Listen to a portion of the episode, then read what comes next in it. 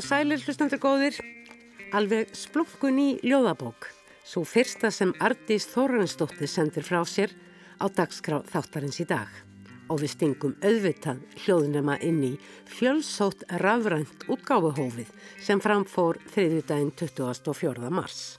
Því ekki aðeins ríkir nú samkomiðbann heldur ljóðskaldið sjálft beinlinis í sótkví. Við ræðum einnig við Ardísu um nýju bókina sem heitir Innræti, hér rétt á eftir.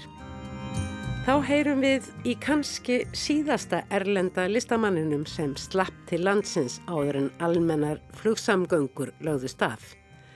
En þann 11. mars síðastliðin var danski rittöfundurinn Jónas Æka gestur á mánadalegu höfundarkvöldi í Norrannuhúsinu. Dæin eftir gafst mér svo tækifæri til að ræða við þennan unga handhafa bókmentavelunu Norðurlandaráðs árið 2019.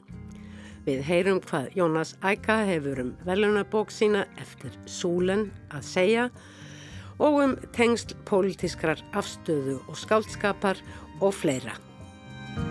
Þættunum líkur svo með pistli hölluð þórlegar Óskarsdóttur sem hefur verið að skemta sér við að lesa Daða skáldsögu með kinnfræðslu ívaði eftir kinnfræðingin Sigurdögg. En fyrst skundum við í rafrænt útgáðubóð. Þar sem gestir sátu heima í sinni stofu eða eldhúsi eða á bekk á gönguleð í raun hvar sem mátti næðist njóta og fyldust með Ardísi Þórarinsdóttur heima hjá sér.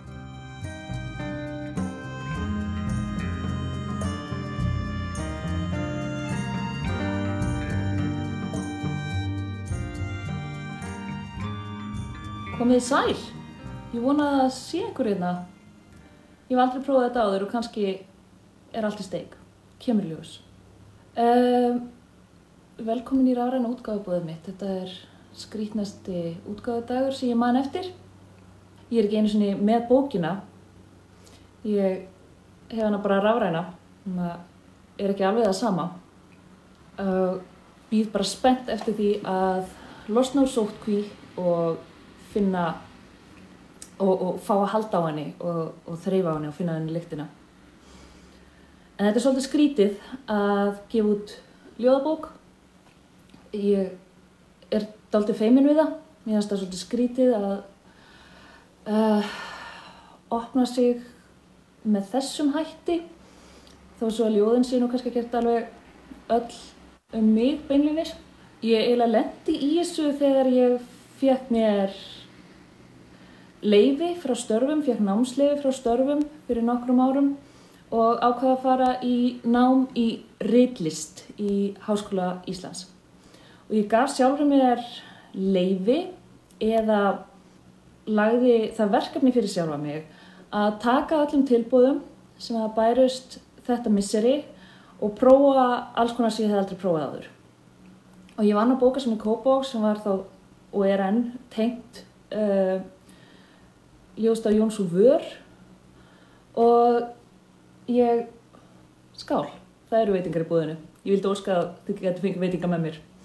En já, ljóst á Jóns og Vör. Og það var auglist eftir ljóðum og ég ákvaði að prófa að taka þátt og ég hef aldrei skrifað ljóð, ég var ekki svona úlingur sem var alltaf að skrifa ljóð. Og ég sendi inn nokkuð ljóð af því að ég var semst ekki í vinnunni og þar með ekki tengd þessum viðbyrði eins og ég hafði annars verið. Ég snert á mér andlitið, auðvitað snert ég á mér andlitið. Ja. en svo ég sendi inn ljóð þó ég hef aldrei tekið þáttinn einu svona áður af því ég var að fara út fyrir þægindaraman og ljóði fekk viðkenningu sem kom mér ósala mikið á óvart og var ósala skemmtilegt.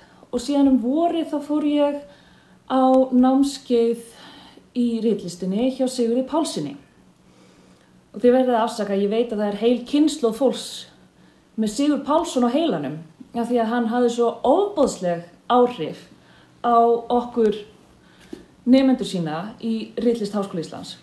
Þannig að hann er bara yfir og allt um kring hjá ofsala mörgum skaldum og ég fór á námskeiði hjá Sigurði Pálssoni hann um vorið og ég stóð mig ekkert ofsalega vel og ég held að Sigurði hafi ekkert þótt að ég stæði mér sér sérstaklega vel.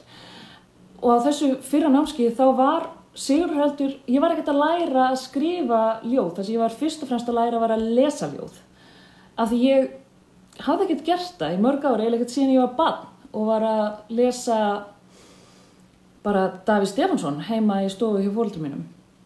Svo þarna kendi Sigurður okkur að lesa ljóð og þegar maður byrjar að lesa ljóð það svolítið eins og að læra nýtt tungumál.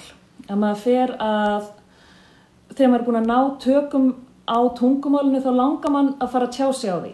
Þannig að þá einhvern veginn fór ég að laumast meira alltaf að skrifa texta. Svo gerist það fyrir árið síðan að ég fór til Visby á Góðlandi í uh, Rítvendadvöl og þar skrifaði ég mjög mikið af ljóðum, ég ætlaði ekkert að gera það, ég fór til Visby að því ég þurfti að skrifa nærbúksnabók 2, ég gerði það líka en, en svona einhvern veginn leytist út í heitt og úrvarð á endanum ljóðahandrit. Svo að ég ætla að lesa í þessu stafræna útgáðabúði nokkuð ljóð úr innræti, við skulum sjá hvað ég endist lengi, þetta er svolítið skrítið hérna einn heim í stofu. Þannig ég ætla kannski bara að byrja á fyrsta ljóðinu í bókinni sem heitir Umönnun Ég smegi ólinni um hálsin og kippi harkalega í taumin Það er ekki valkvægt að viðra sig, segi ég byrst Ég fer í sérverslun eftir fóðurinu, kaupi dýrar vörur fullar af næringarefnum. Ég set kvikindið í bað. Ég gefði vítamin rakaði í lappirnar, læta að lesa heimsbókmyndinar og hugliða. Á kvöldin, þegar ég hef háttaða á skikkanlegum tíma, gæti ég rimlunum. Um næturnar kvílumst við saman, skeppnan og ég, innan í ramgjörðu búrinu. Heil og sæl, Artís Þórannistóttir. Hvernig hefur það í sótkvinni og hvernig var að gefa út ljóðabók svona, svona eftir á að higgja?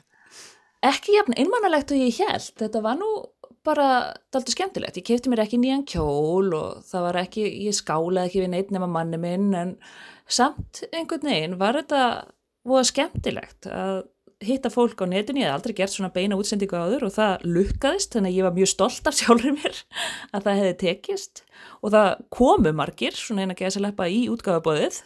Það voru inn yfir um hundra manns stundum að fylgjast með. Var það? Ég sá ekki betur. Já, það var bara fullt af fólki og svo fekk ég frá rítstjórnum mínum um kvöldi þá kom hún með bókina og stakkan inn um lúna til mín þannig að þetta var nú bara mjög góðu dagur. Þetta er alveg einstaklega skemmtileg bók að grýpa í hönd. Hún vekur uh, aðtegli þegar maður sér framann á hana. Það stendur náttúrulega á henni titillin, innræti og þú last einmitt uh, í upphafi uh, titilljóðið. En svo er bara allt fullt af einhverjum brottum og göttum og einhver svona brotta þúfa. En það kemur nú í, í ljós hverju sætir því að þegar að bókin er opnuð þá sér maður trínið á brottgeltinu. Já. Var þetta brottgaltarljóð eh, einhver kveika? Er það á það eitthvað sérstakt rúm í þínu hjarta eða bara svo staðrend að þú hafur aldrei séð brottgöld? eins og ljóðið segir. Sko, megnið af ljóðunum var skrifað uh, á Gótlandi fyrir ári síðan og þar sem ég var uh, í nokkra vikur að skrifa. Og þar kynntist ég konu sem að skrifaði hérna sem heitir Kari Sanum og hérna, norsk sem að skrifaði útrúlega skemmtilega barnabók um móður sem að breytist í brottgöld og við rættum þetta svolítið og þetta var svo skemmtilegt að tala við allar Skandinavi þar sem brottgeldir voru mjög þeim mjög svona hverstasleg þeim, þeir, þeir, þeir voru þeim nálægir en þeir eru eins og sporvagnar og játbröðalestir og froskar og eitthvað svona, hvert okkur íslendingum, eitthvað svona sem er eiginlega ekki til nefn í ævintýrum og þetta satt svo í mér. Þetta, hvernig eitthvað ofsalega hverstaslegt er fyrir e, fólki af einum stað er ofsalega framandi fyrir fólki á öðru stað. Ég held að brotgjeldir geti alveg verið tákn fyrir alls konar annað, hugmyndir og viðhorf og ímislegt sem er algjörlega ómarkvert í einu samhengi en einhvern veginn svo undarlegt í öðru. Fyrir utan hvað brottgeldir eru bara sjálfur gangandi myndkverfing, þessir brottar utan á þeim og mjúkur kviðurinn þetta og þeir eru bara ótrúlega heitlandi þannig að þegar við fórum að leita myndefni fyrir kápuna þá komu þeir svona upp þannig að já, innræti þeirra er uh, það veku forvitni þegar, þegar ytrabyrðið er svona. Þessi ljóðabók, hún fjallar svona svolítið um brotta og útkverfuna og innkverfuna Já, þú, þú, þú segir mér fréttir. Þú sagðir í útgáfubóðinu að það hefði verið svolítið skrítið fyrir þig að opna þig með þessum hætti í ljóðum. Þú hefðir hingað til ekki skrifað ljóð mm. og ljóðmælandin í flestum ljóðunum er já, svona kona eins og þú, já, já. ungmóðir og uh, sem að uh, er alveg upp í samfélagi sem að gerir ákveðnar kröfur um útlitt og smekk og ímislegt. Mm -hmm. En uh, það kemur kannski ekki alltaf heim og saman við það sem manni finnst í raun og veru þegar maður sittur í sofahotninu heima hjá sér og íhuga lífið og tilveruna eða er að leggja höfuð og kottan. Það satt. Þegar ég tók fyrst saman handritið þá uh, tók ég eftir að hafa mikið af textum sem voru í fyrstu personu og ég fór að plokka það út og nota þannig að öll ljóðin í bókinni er í fyrstu personu og mér fannst svolítið óþægilegt að það eru náttúrulega þarna einhver viðhorf og svona reynsla sem er verið að lýsa þarna sem ég á ekki sem persóna og ljóðabækur eru öðruvísi heldur en annars skálskapur. Þegar maður segir ég í ljóði það virðist eh, með réttu eða röngu svona merkingarþingra heldur en þegar maður segir ég í skáldsugum. Svo ég fór að hugsa hvernig get ég gert þennan greinamun á, á mér og, hérna, og ljóðmælandanum og ég, og ég var svo glöð, ég fatt að hei þetta eru rattir, þetta eru margar konur úr ymsum áttum og þetta eru alls konar rattir og þetta er svona eins og kór, þetta er eins og kvennakór og bókinn getur heiti kvennakórin og ég get þess að gefa bara hverri konu nafn og aldur og þetta verður frábært. Og ég sendi vinkonum henni þetta og hún sagði já, heyru, þetta er frábært ljóðahandrit, hérna rattirnar, þetta er bara einn rött þetta er ekki kór, þetta er bara einn rödd. Sem var alveg rétt hjá henni, þetta var bara einhver svona flótti kakvart En þetta er samt þú tekur þér frelsið til þess að og leifir þessari rödd svolítið að hlaupa með það sem hún mögulega gæti hafa gert í, í gönur, stela eirnalokkum í kringlunni og Já, já. Og já, hérna, og hvað var það, hakka köttin? já, já, já, hún, hún getur köttin. Og, jú, jú, uh, hérna, svo, svo koma tekstar þar sem að hún er, sko, fastegnarsali. Þannig að ég veit ekki hvenar ég, og einhverstast kemur fram, er, er sagt að hún sé dökkhærð. Þannig að ég hugsa, ég, ég er svona meðvitað og ómeðvitað, hafi nú verið að reyna að setja inn einhverja vísbendingar um að þetta sé ekki allt saman akkurat ég ég er ekki fastegnarsali Nei, akkurat Þessi bók þegar ég var að byrja að lesa hana og reyndar oftar á leiðinni í gegnum hana að þá var mér hugsað til Þordísar Gísladóttur.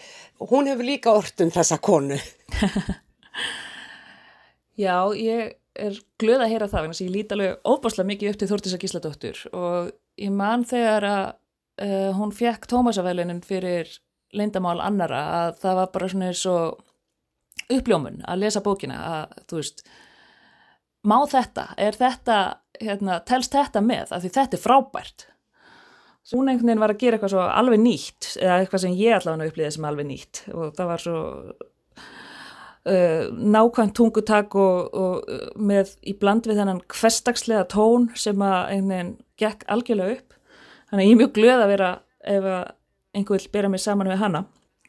Þannig að Já, ég held að það sé alveg óað þú hefur þennan hverstaslega tón en þú ferð kannski lengra út í hefð surrealíska. Kannski. Og skilum hann stundum eftir svona, ég segi ekki ráþróta en allavega hann að klórandi sér í höfðinu, býtu nú við. Þórtís kannski líka horfir meira, sko, hún er meira að horfa á annað fólk. Ég er kannski meira að horfa innan frá út. Nákvæmlega. Mér er sattast að segja líka endur má sinnum Bræi Ólásson í hug. en, Ekki það verið samburður? Nei, um, ég er að með á því Ardís að þú last alls ekki titiljóðið í útgáfi bóðinu heldur lastu fyrsta ljóðið í bókinni. Mm. byrjaðir útgáfi bóðið einmitt á því. En mig langar kannski til að byrja og þessu stíði málsins að, að lesa ljóðið innræti. Já, endilega. Já, hér kemur innræti. Innræti Stundum þegar ég borðan netur í millimál frekar en M&M flögrar að mér alveg innleglega að mögulega ber ég digðirnar ekki utan á mér. En það megi samt hugsa sér að eftir heimsendi, mörg hundruð árum eftir heimsendi þegar einhver grefi mig upp og raðar beinunum nostursamlega saman undir glerhjúpi að þá muni aldurskreining segja að þetta séu leifar miklu yngri konu. Þú, eh, þú hugsa svolítið stórt í, í stórum tímaskeiðum. Endalókin eru þarna í mörgum, mjög mörgum ljóðum með í dæminu. Mm. Ég hugsa um sa, ljóði samastaður til dæmis Já. og uh, svo var eitt ljóðum Elisabethu drottningu. Já.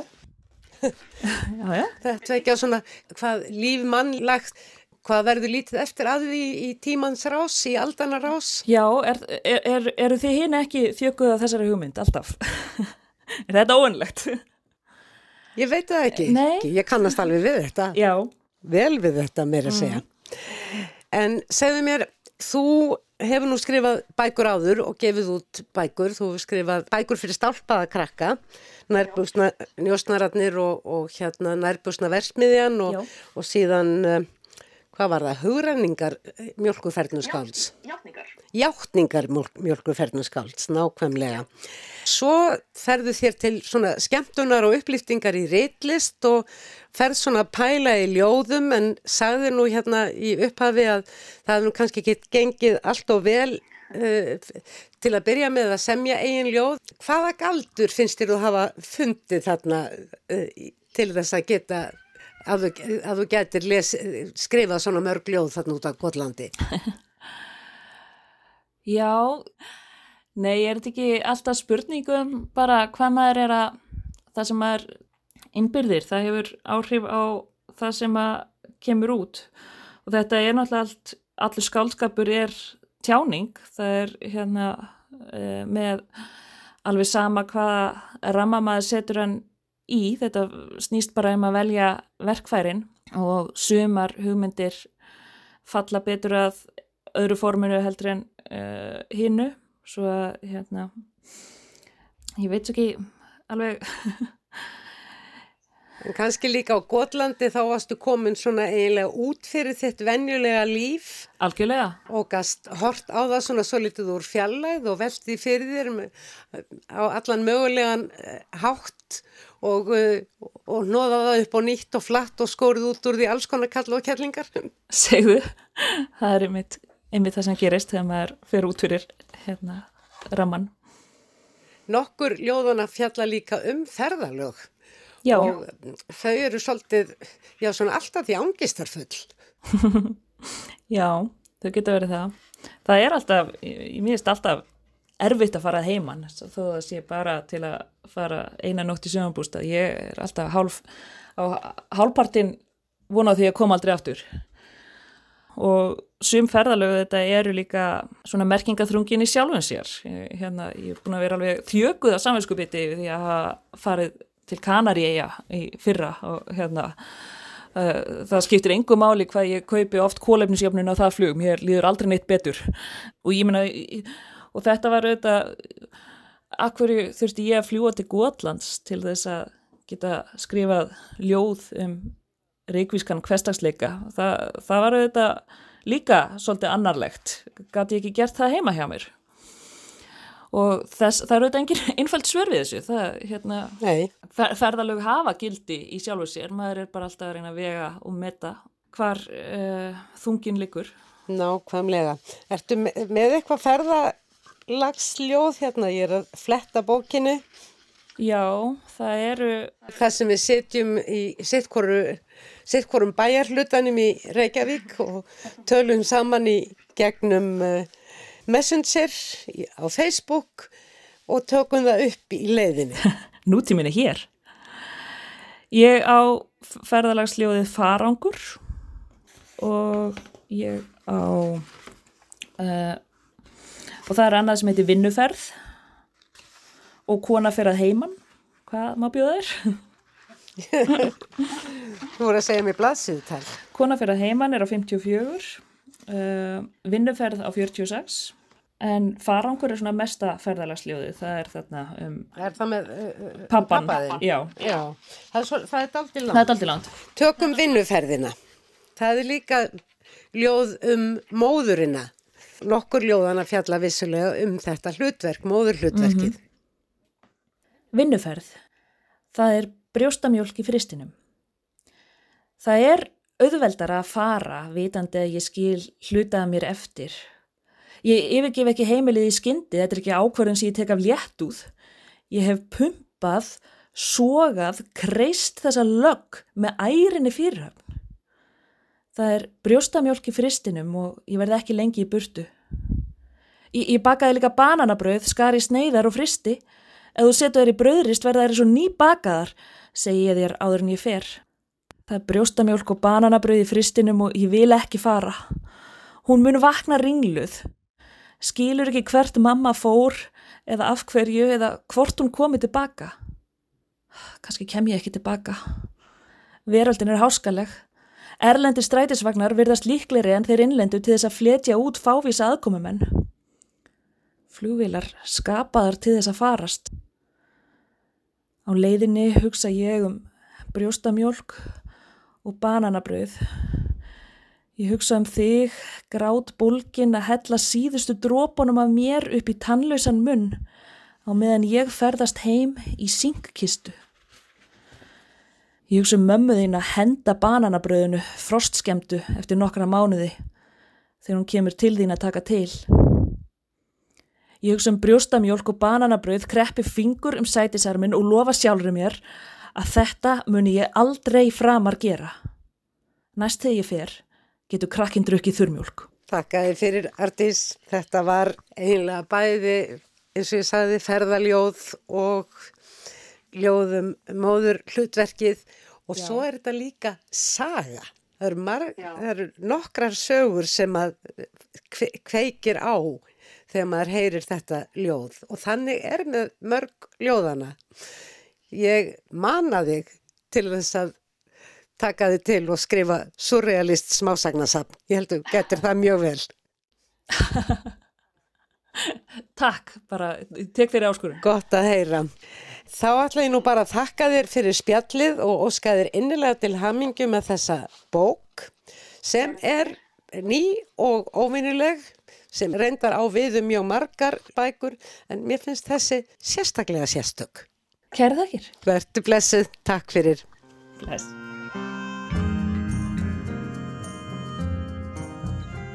Jónas Æka heitir ungur danskur höfundur sem síðastliðið höst tók að ég hegg yngstur höfunda frá upphafi við bókmyndavellunum Norðurlandaráðs og vakti ræða hans á affendingaratöfnun í hljómleikahúsin í Stokkólmi mikla aðtikli. En það væga sagt ekki hefðbundin fyrir slíkar viðhafnar hátíðir. Jónas notaði nefnilega tækifærið með alla helstu stjórnmála með Norðurlandana fyrir framansi í salnum þar á meðal fórsættisráður að Danmerkur til að gaggrina stefnu Danmerkur í innflytjandamálum. Í Danmörku er kynþáttahatur, bæði menningarlegt og löglegt. Í Danmörku ríkir ríkis rasismi.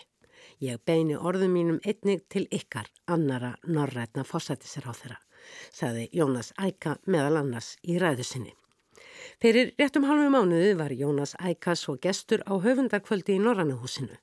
Þetta höfundarkvöld var að þýleiti ofinnilegt að það var ekki einn stjórnandi sem spurði höfundin spjörunum úr um verksín heldur var bóðið til samtalsmiðli tveggja ólíkra listamanna, kvikmyndagerðarkonunar Ísaldar Ugadóttur og rittöfundarins Jónasar Æka og var það danski rítöfundurinn Hanne Haugard Víemóse sem stjórnaði samræðinni. Þess má geta að Hanne Haugard Víemóse er einmitt annar af tveimur höfundum sem Danir tilnefna til bókmyndavellunan Norðurlanda ráðs að þessu sinni en þau verða afhengt í Reykjavík í haust ef Guð lofar. Samtal þeirra Ísoldar og Jónasar var kannski síðasti menningarviðburðurinn fyrir samkomiðbann. Þetta var svo litið losaralegt á köplum en það hér um afar ólík verk að ræða.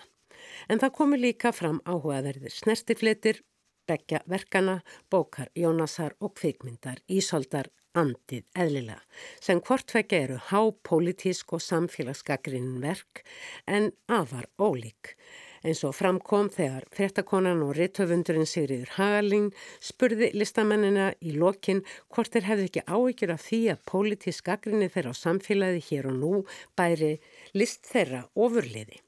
Jónas Æka var fyrir til svars og saði í raun ekki hugsa mikið um pólitík þegar hann væri að skrifa.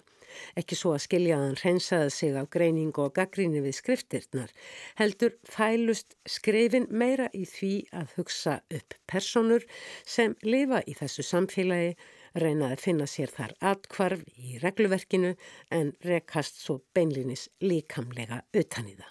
I wouldn't say that I um, sort of cancel out the analysis or the critique, but I sort of go about it in a different way, which is to have I mean, to have characters who experience these things in a very, um, yeah, I mean, uh, who are who are with their buddies in the middle of it. So it's sort of a different perspective than having a political position.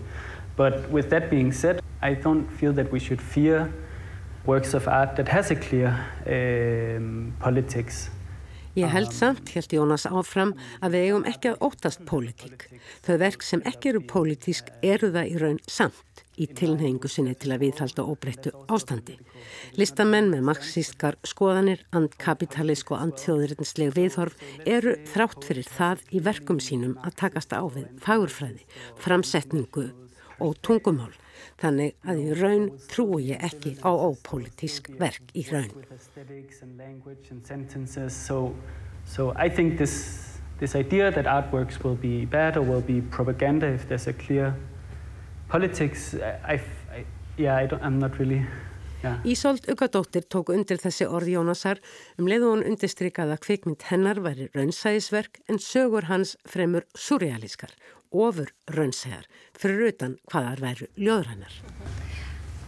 With um, Jonas's work, because it's mine is more direct realism, whereas yours is more kind of surreal and it's more more more poetic. So I somehow feel like you know I'm I, I could go closer to being propaganda. Vegna raunsæðisins væri kvikmyndin andið eðlilega, saði Ísolt, nær því að vera áráðusmynd eða propaganda. Sjálfrið hefði henni við gerð myndarinnar oft fundist hún vera blagamæður að gera heimildamend. Svo umhugað hefði henni verið um að allt væri rétt, ekki hægt að hankan á neinu. Hún hefði ekki hugsað en um list heldur um intak hvernig virkar kerfið, hvernig má bregðast við því og ef myndin er propaganda, sagði hún svo, þá verður bara svo að vera. Mér var fyrst og fremst umhugað um raunveruleika aðstæðna. Maybe I didn't even care. I'm like, if it's propaganda, then it's propaganda. Um, but it was, for me, mostly about just capturing the reality of the situation. Þegar ég hitti Jónas Æka fáinum dögum síðar til að ræða við hann um bókina eftir súlinn var þess vegna eðlilegt að byrja á því að spyrja þennan 29 ára gamla höfund hvort hefði komið á undan, réttufundurinn eða aktivistinn. Min vej til að skrifa er ekki særlig radikal eller spændende. Tror jeg, jeg, jeg tror jeg var omkring 18 Jónas Æka saði sína leið til skriftana í raun ekki sérlega spennandi. Hann hefði klárað mentaskóla átjónara farða að vinna og byrjið að skrifa þegar hann hefði tíma til. Ég var líki í músík á þeim tíma, segir hann, en smá saman tóku skriftirnar yfir. Það er urðu mér konunasvæði sem ekki tæmtist. Það var aldrei leiðinlegt og ég varði meiri og meiri tíma í skriftir. Ég reyndi líka að komast inn í rittunundaskólan en það tóst ekki fyrir Að skrifu, så begyndi ég að søge inn på forfatterskolen og søgte ind tre gange, tror jeg, før jeg kom ind. Mm-hmm. Og jeg tror stadig... Er det svært at komme ind? Altså, det er det jo. Der er jo omkring 400, der søger, så vidt jeg ved, og der kommer 8, okay. 8 ind cirka om året. Så, det er ikke øh, mange. Nej, det er en lille andel. En mitt. Allt upp í 400 sækja um í rittundaskólanum danska árlega og aðeins átt að komast að, sannarlega ekki stór hluti. Jónas Æka fannst hann skamt á vega kominn þegar hann settist á bekk í rittundaskólanum og finnst það í raun enn. Hvert nýtt verkefni, hvert teksti er ný áskorun, segir hann, um að finna upp á einhverju nýju, einhverju som kemur mér sjálfum á óvart. Jeg tror stadig, mens jeg gik der, følte jeg stadig, at jeg var ved at lære at skrive, og på nogle måder føler jeg stadig det, eller fra, fra projekt til projekt, fra tekst til tekst, mm. føler jeg, at jeg skal finde en måde at skrive på, som er ny og mm. overraskende for mig selv. Øhm, men jeg ja, selvfølgelig over de seneste år, så er jeg begyndt, selvfølgelig også begyndt at forstå, okay, nu er jeg forfatter, og øhm, prisbelønnet. Også det, ja. Á síðustu árum hefur Jónas ækaðið að gerst til ljósta hann er orðin reytöfundur, marg velunnaður að auki. Jónas fættist árið 1991 og er því rétt 29 ára gammal. Fyrsta skáltsaga hans, Lageret Húset Marí, kom út árið 2015. Sagan segir frá Eliassi sem stendur næturvaktir á reysastórum lagar og útfærir þar skipanur um pantanir sem berast honum í tölvu. Á mornana fyrir hann heim til sín þar sem sinir hann setja á sófanum með spada til að drepa flugurnar sem gera sig heimankomnar í hrörlegum húsakinnunum. Marí sömar kjóla sem Elias mátar fyrir hana í kostulegri senu þar sem hefbundin hlutverk kynjana snúast við með róttækum hætti. Í þessari sögu er ekki aðeins framandgerfing vinnunar lit upp á efstastig heldur allrar samfélagsgerðarinnar og kervisins, hvort heldur mentakervisins, drengitin ganga auðvitað í skóla eða heilbriðiskervisins. Elias verður heilsulös af eilífum næturvöktum á ángistinni um að uppfylla ekki kröfur tölvukervisins í vinnunni og einni kerfi kynhlutverkana er afhjúpað sem einber framhandgerfing. Bókin Lagerinn húsið Marí hlaut frábæra dóma, þótti hrá í sínu félagslega raunsægi, tungumálið afar frumlegt og gaggrinninn á samfélag sem grundvallast í kapitalísku efnahagskerfi hár beitt. Smásagnasafnið eftir súlinn fekk ekki síðri um fjöllin. Fimm smásögur sem í raun eru fjórar því einn þeirra er tvískipt, sögur sem gerast allar á ákveðnum stöðum í Kaupmannahöfn, í London, í smábænum Rachel í Nevada og á Cancún ströndinni í Mexiko. Personursagnana, tvær eða fleiri, eru með einhverjum hætti einangraðar í sínum kema og allar eru þær í ákafri leit að sól, í leit að kærleika, í leit að einhverju góðu í öðrum manneskjum. Og sólinn er jú góð og þaðan kemur kannski titillin eftir sólinn eða í átt til sólar á eftir henni en ekki eins og ég held í byrjun að titillin vísaði til tímans eftir sólina það er þegar hún væri horfin. Því miður láðist mér að spyrja Jónas Æka út í þessar pælingar um titillin. Heldur heldum við áfram í samtalenu að ræða um politík og skaldskap. Jeg tror, de, har, de to processer har løbet lidt for skudt af hinanden. Øh, Altså jeg vil sige, jeg har altid været politisk øh, interesseret, men jeg begyndte først at blive, hvad jeg vil kalde politisk engageret for, jeg tror det var omkring 2015 eller sådan noget. Mm-hmm. Pólitík og skálskapur hefur fæðið svolítið hvort sína leið í mínu tilviki, saði Jónas Æka. Ég hef alltaf haft áhuga á pólitík og einhver tíma fór ég að ótta mig á að möguleikarnir innan fullfrúa líðræðisins væri ekki jafn miklir fyrir alla, heldur ekki flokkspólitík. Og ég leitaði því uppi hópa sem hugsuðu á sveipuðum nótum. Skálskapurum býður hins vegar upp á ótal möguleika til að snúa upp á hlutina, beita tungumálinu með nýjum hætti, jafnvel finna upp nýja málfræði, aðstæður ástand som ikke var til áður. Skálskapur er rými möguleika. At det bliver tydeligt, at der er så mange mennesker, der lider under den eksisterende orden. Men mm. udover det selvfølgelig også en følelse af mulighed. Okay. Jónas Æka segist hins vegar eiga erfitt með orðið aktivisti. Svo mikið af alls konar aktivistum eins og nínasískir aktivistar og framvegis. At være passiv og aktiv tror jeg ikke nødvendigvis er så givende, også fordi jeg tror, at nogle gange passiviteten og mm. det jeg vil kalde opmærksomheden. Mm. Øhm, Þessi hugtök passiv og aktiv eru kannski ekki svo lýsandi, segir Jónas. Kannski væri réttar að tala um aðtegli og umhyggju sem eru líka mikilvægur þáttur í því að vera politist virkur. Og Jónas æga tekur virkan þátt í politískum hópum utan við þið eiginlega politiska kerfi og auðvitað er ekki hjá því komist að nefna hérna hápólitísku ræðu sem Jónas held í Stokkólmi sem hann segir alls ekki tengjast sjálfsmynd sinni sem rittufundur. For eksempel den tale, jeg holdt i Stockholm, eller nogle af de ting, jeg siger til øh, sådan nogle klassiske litteraturarrangementer, er måske ikke noget, der bliver sagt tit. Øh, men for mig er det underligt, når der ligesom Eh, når det bliver set som en del af min... Ég sagði ekki það sem ég sagði, segir Jónas, vegna þess að ég heldi að sem reythöfundur geti haft áhrif. Heldur vegna þess að ég var líkamlega stattur á þessum stað og gat sagt þetta.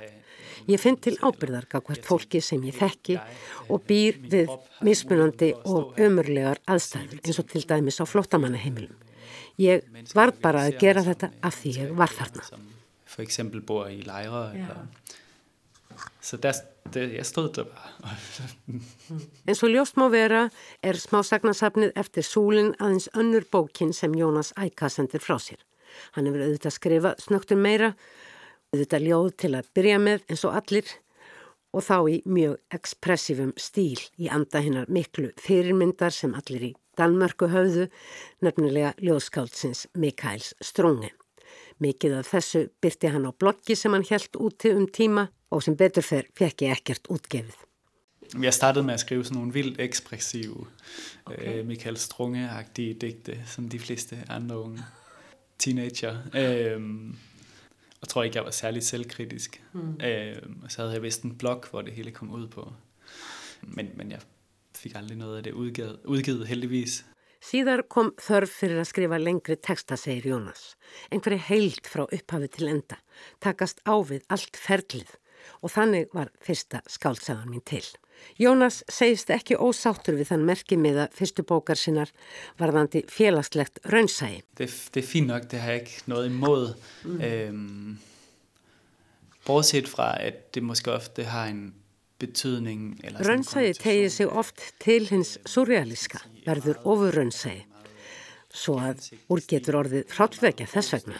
Ég vil nota tungumálið til að snúa upp á raunveruleikan, leysa hann í sundur. For virkeligheden til at fremtræde på en ligesom lidt forbringet måde, øhm, for den til at sidre en lille smule, så den ligesom, ja, så den løsner sig. Lestur smásagnarsapsins eftir súlinn staðfestir þetta. Til að mynda í sögunni Rachel Nevada fremur gamal maður sjálfur skurðargerð á barka sínum svo hann megi gefa frá sér hljóð sem samsamist hljóðum sem að koma frá gerfinhattardisk í nágrenninu og fyrir nákvæmni lýsingarinnar á skurðargerðinni og raunsæðið opnast aðstæður allar með surrealískum hætti og aðlast víðari merkingu. Jónasi þykir þetta ágætt dæmi um það hvernig hann beiti tungumálinu og um skilning hans og tilraunir með raunsæð. Það takja hann hins vegar oft mjög langan tíma að skrifa slíkar málskreinar. De passager som altså virker som de største brud med virkeligheden, eller ja. den virkelighed, vi kender, det er netop dem, jeg også tit bruger længst tid på, ja. fordi jeg prøver altid at være præcis. Men særligt der prøver jeg også at være meget visuelt præcis. Þetta á ekki síst við um þá hlutatekstan sem ekki tengjast raunveruleika lesandans eða hann gæti orðið efust um að það sem líst sé, sé í alvöru að gerast. Honum, Jónasi, sé eins og er í mun að það sé alveg ljóst að þessir hlutir eru ekki að gerast inn í höfði lesandans heldur í raun og veru. Þess vegna verða lýsingarnar að vera nákvæmar, ekki síst sjónrænt. Ég hef áhuga á raunveruleikanum, segir hann, og þar gerast sögurnar, ekki í ímynduðum heimi. En ég vil skjöna þennan raunveruleika og skoða hvaða áhrif þessi raunveruleiki hefur á fólk. Hegðum þess og sálalíf, bæði í sögulegu samhengi en líka í samhengi nútíma tækni til dæmis. Ég er ekki að tala um eitthvað alheims og eilíft, heldur hvernig allt hefur áhrif á okkur. Som er betinget af de teknologier, evigt menneskeligt. Mm. Altså, vi er umformlige og mm. påvirkelige. Altså. En svo framöfu komið fjalla sögurnar í smásagnasafnin eftir súlinn nær allar um manneskjur sem þrá tengsl. Líkamleg tengsl sem þær finna fyrir, kannski bara nánt eða jafnvel eiginlegan samruna. Þið kynferðislega gegnir í þessu samhengi auðvitað talsverður hlutverki. Það er þó aldrei undistrykað sérstaklega, heldur verður eins og eðlilegur þáttur í því að nálgast aðra mannesku og skiptir þá ekki máli hvort um er að ræða karl eða konu, tvær manneskjur eða fleiri. Og þetta eru margar personur, ungar manneskjur og eldri og af ymsu þjóðerni. Jeg skal være helt ærlig og sige, at jeg har ikke siddet og gjort så meget øhm, karakterarbejde, du ved, uh-huh. som man ellers, det har jeg også gjort før, når jeg, i min første roman, og hvad det er for nogle karakterer, de er ligesom opstået ret impulsivt. Aðspurður um hvaðan personarnar komi verður Jónas Æka undirleitur og segjast verða viðurkenna að hann hafi ekki lagt mikið í personasköpun í sögunum líkt og í fyrri bóksinni. Personarnar hafi einfallega byrst honum, sumar jafnvel í draumi. Og það er rétt, segir hann, að þrátt fyrir uppburðarleysið og uppgjöfina þá þrái personarnar að nálgast aðrar manneskjur, en líka sjálfa sig. Þrá samruna, symbiósu beinlinis. Og þetta segist hann sjálfur þekka vel. Den der længsel, eller sådan, ja, simpelthen ja. længsel efter en form for symbiotisk tilstand. Er også, det er også noget, jeg godt kan genkende fra mit eget liv. Að lokum rættum við svo litið um skriftirnar. For mig virker det at skrive, når jeg oplever, at jeg finder et sprog og en rytme som... Fyrir mér ganga skriftirnar upp þegar mér hefur tekist að finna tungumál og hrinnjandi sem býr við skapandi krafti sem fæðir af sér samhengi, tilfinningar og svo framvegis. En ekki öfugt að ég ætli mér að lýsa þessu eða heinu samhengi, tilfinningum og svo framvegis og síðan að finna því form. Formið sjálft fara að skapa. Og have noget, man vil sige, og så finde den bedste form til det. Mm -hmm. Jeg tror, det har mere at gøre med at finde en form, som kan, altså, som kan skabe. Tungumálið er líkillin í skrifum Jónasar.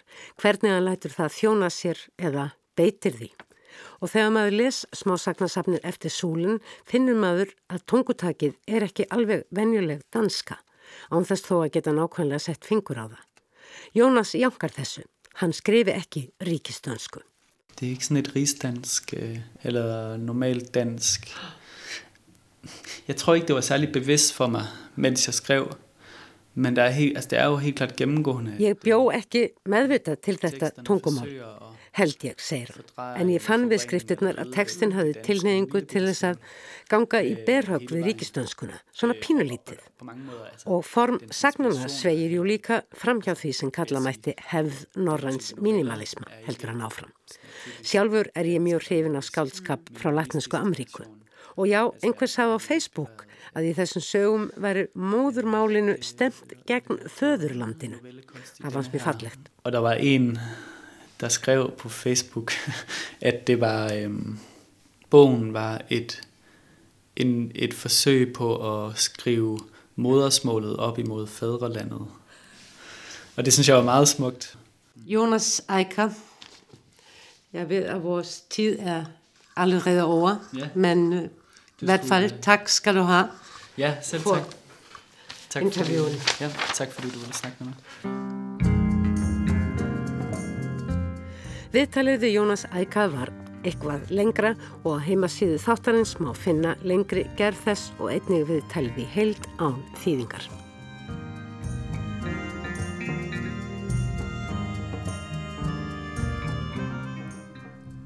Sigardögg kinnfræðingur er landsmönnum kunn fyrir pisla sína og fyrirlestra um ímismál tengd kinnlífi. Hún hefur sendt kinnfræðslu í grunn og framhaldsskólum og eftir því sem ég best veit hefur hún gert það vel og kannski umfram allt hispurslust. Hún hefur tekið að sér að stinga á Ímis umræðu kíli og skömm og feimni eru viðsfjari þar sem Segadögg tekur til máls. Hún hefur nú sendt frá sér tvær unglingabækur, annars vegar bókina Kynveru sem kom út árið 2018 og byggir vist að einhverju leiti á eigin reynslu höfundar og svo þá sem hér verður til umfyllunar, Dada sem kom út í fyrra. Þær tengjast innbyrðis og setni bókin er sjálfstætt framhald þeirrar fyrrnemdu. Ég hef sjálf ekki lesið kynveru svo ég get ekki fullirt neitt um innihald hennar nema að ég veit að þar er sögumæðurinn vera en hún og Daði eiga vingott hvort við annað um stund.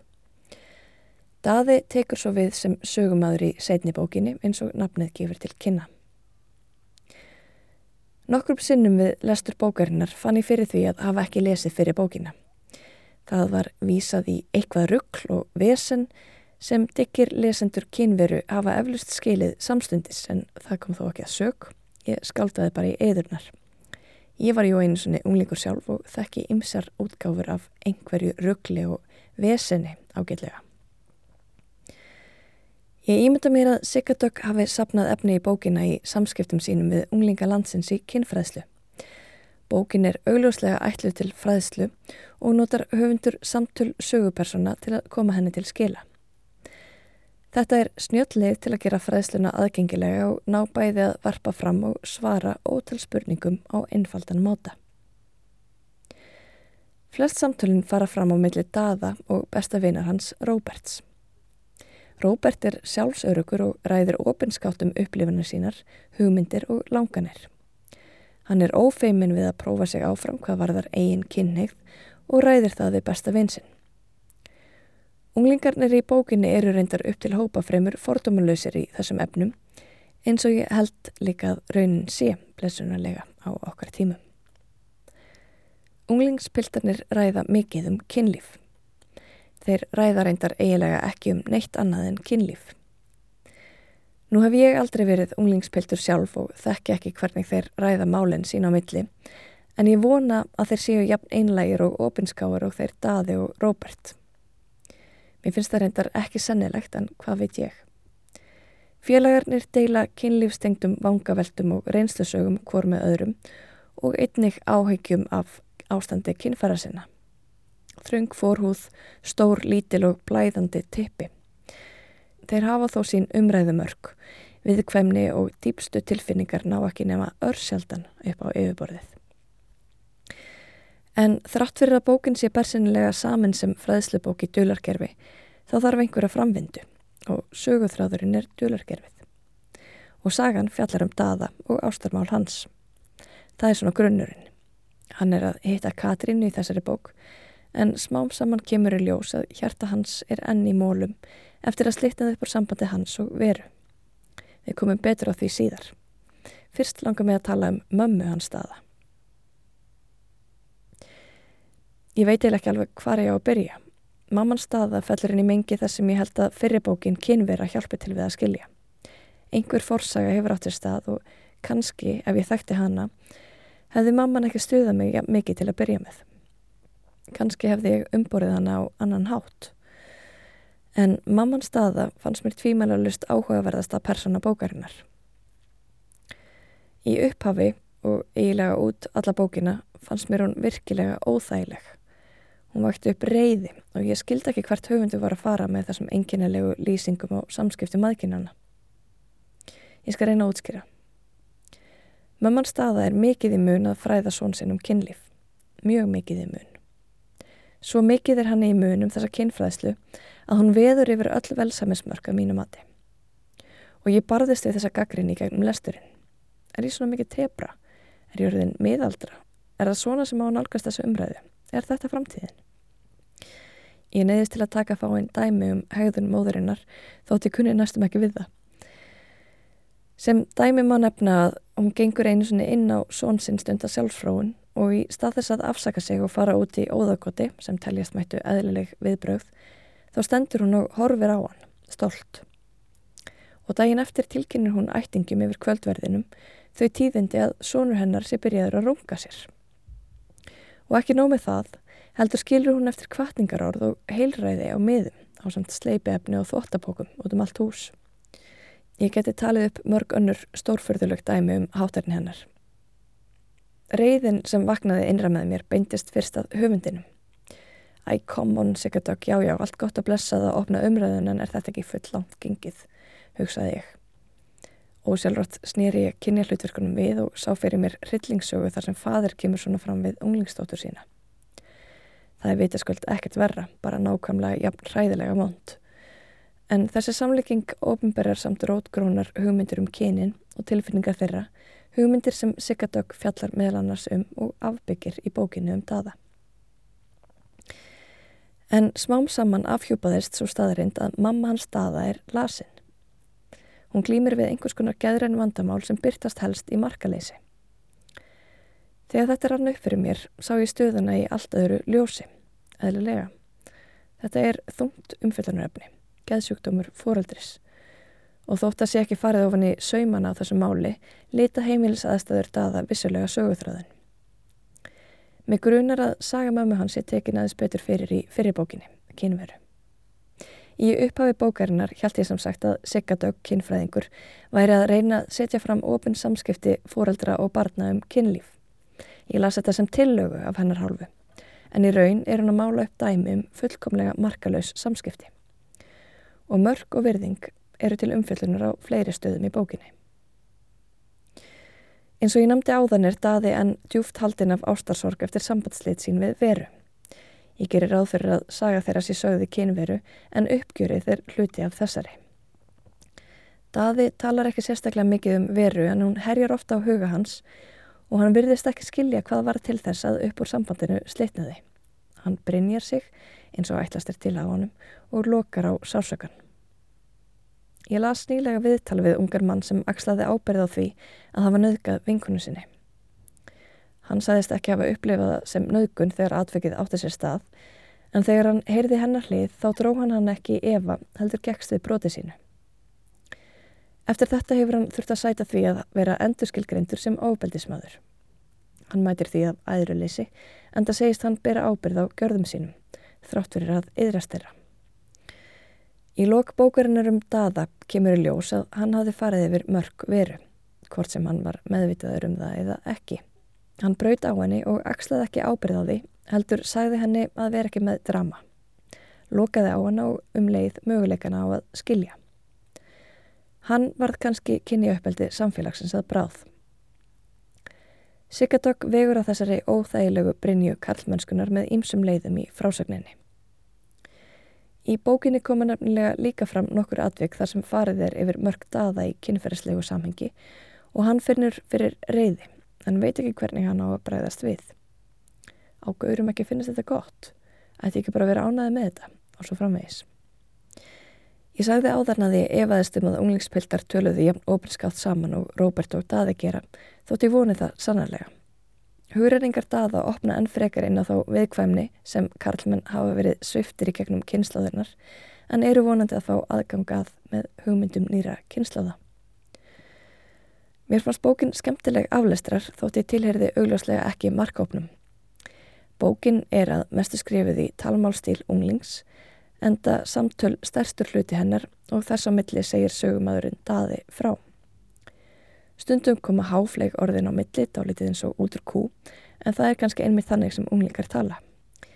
Ég á reyndar bátt með að trúa því að þeir kalli bandarísku kvikmyndina Grís, hinnu annars ágæta íslenska nafni Koppafeiti.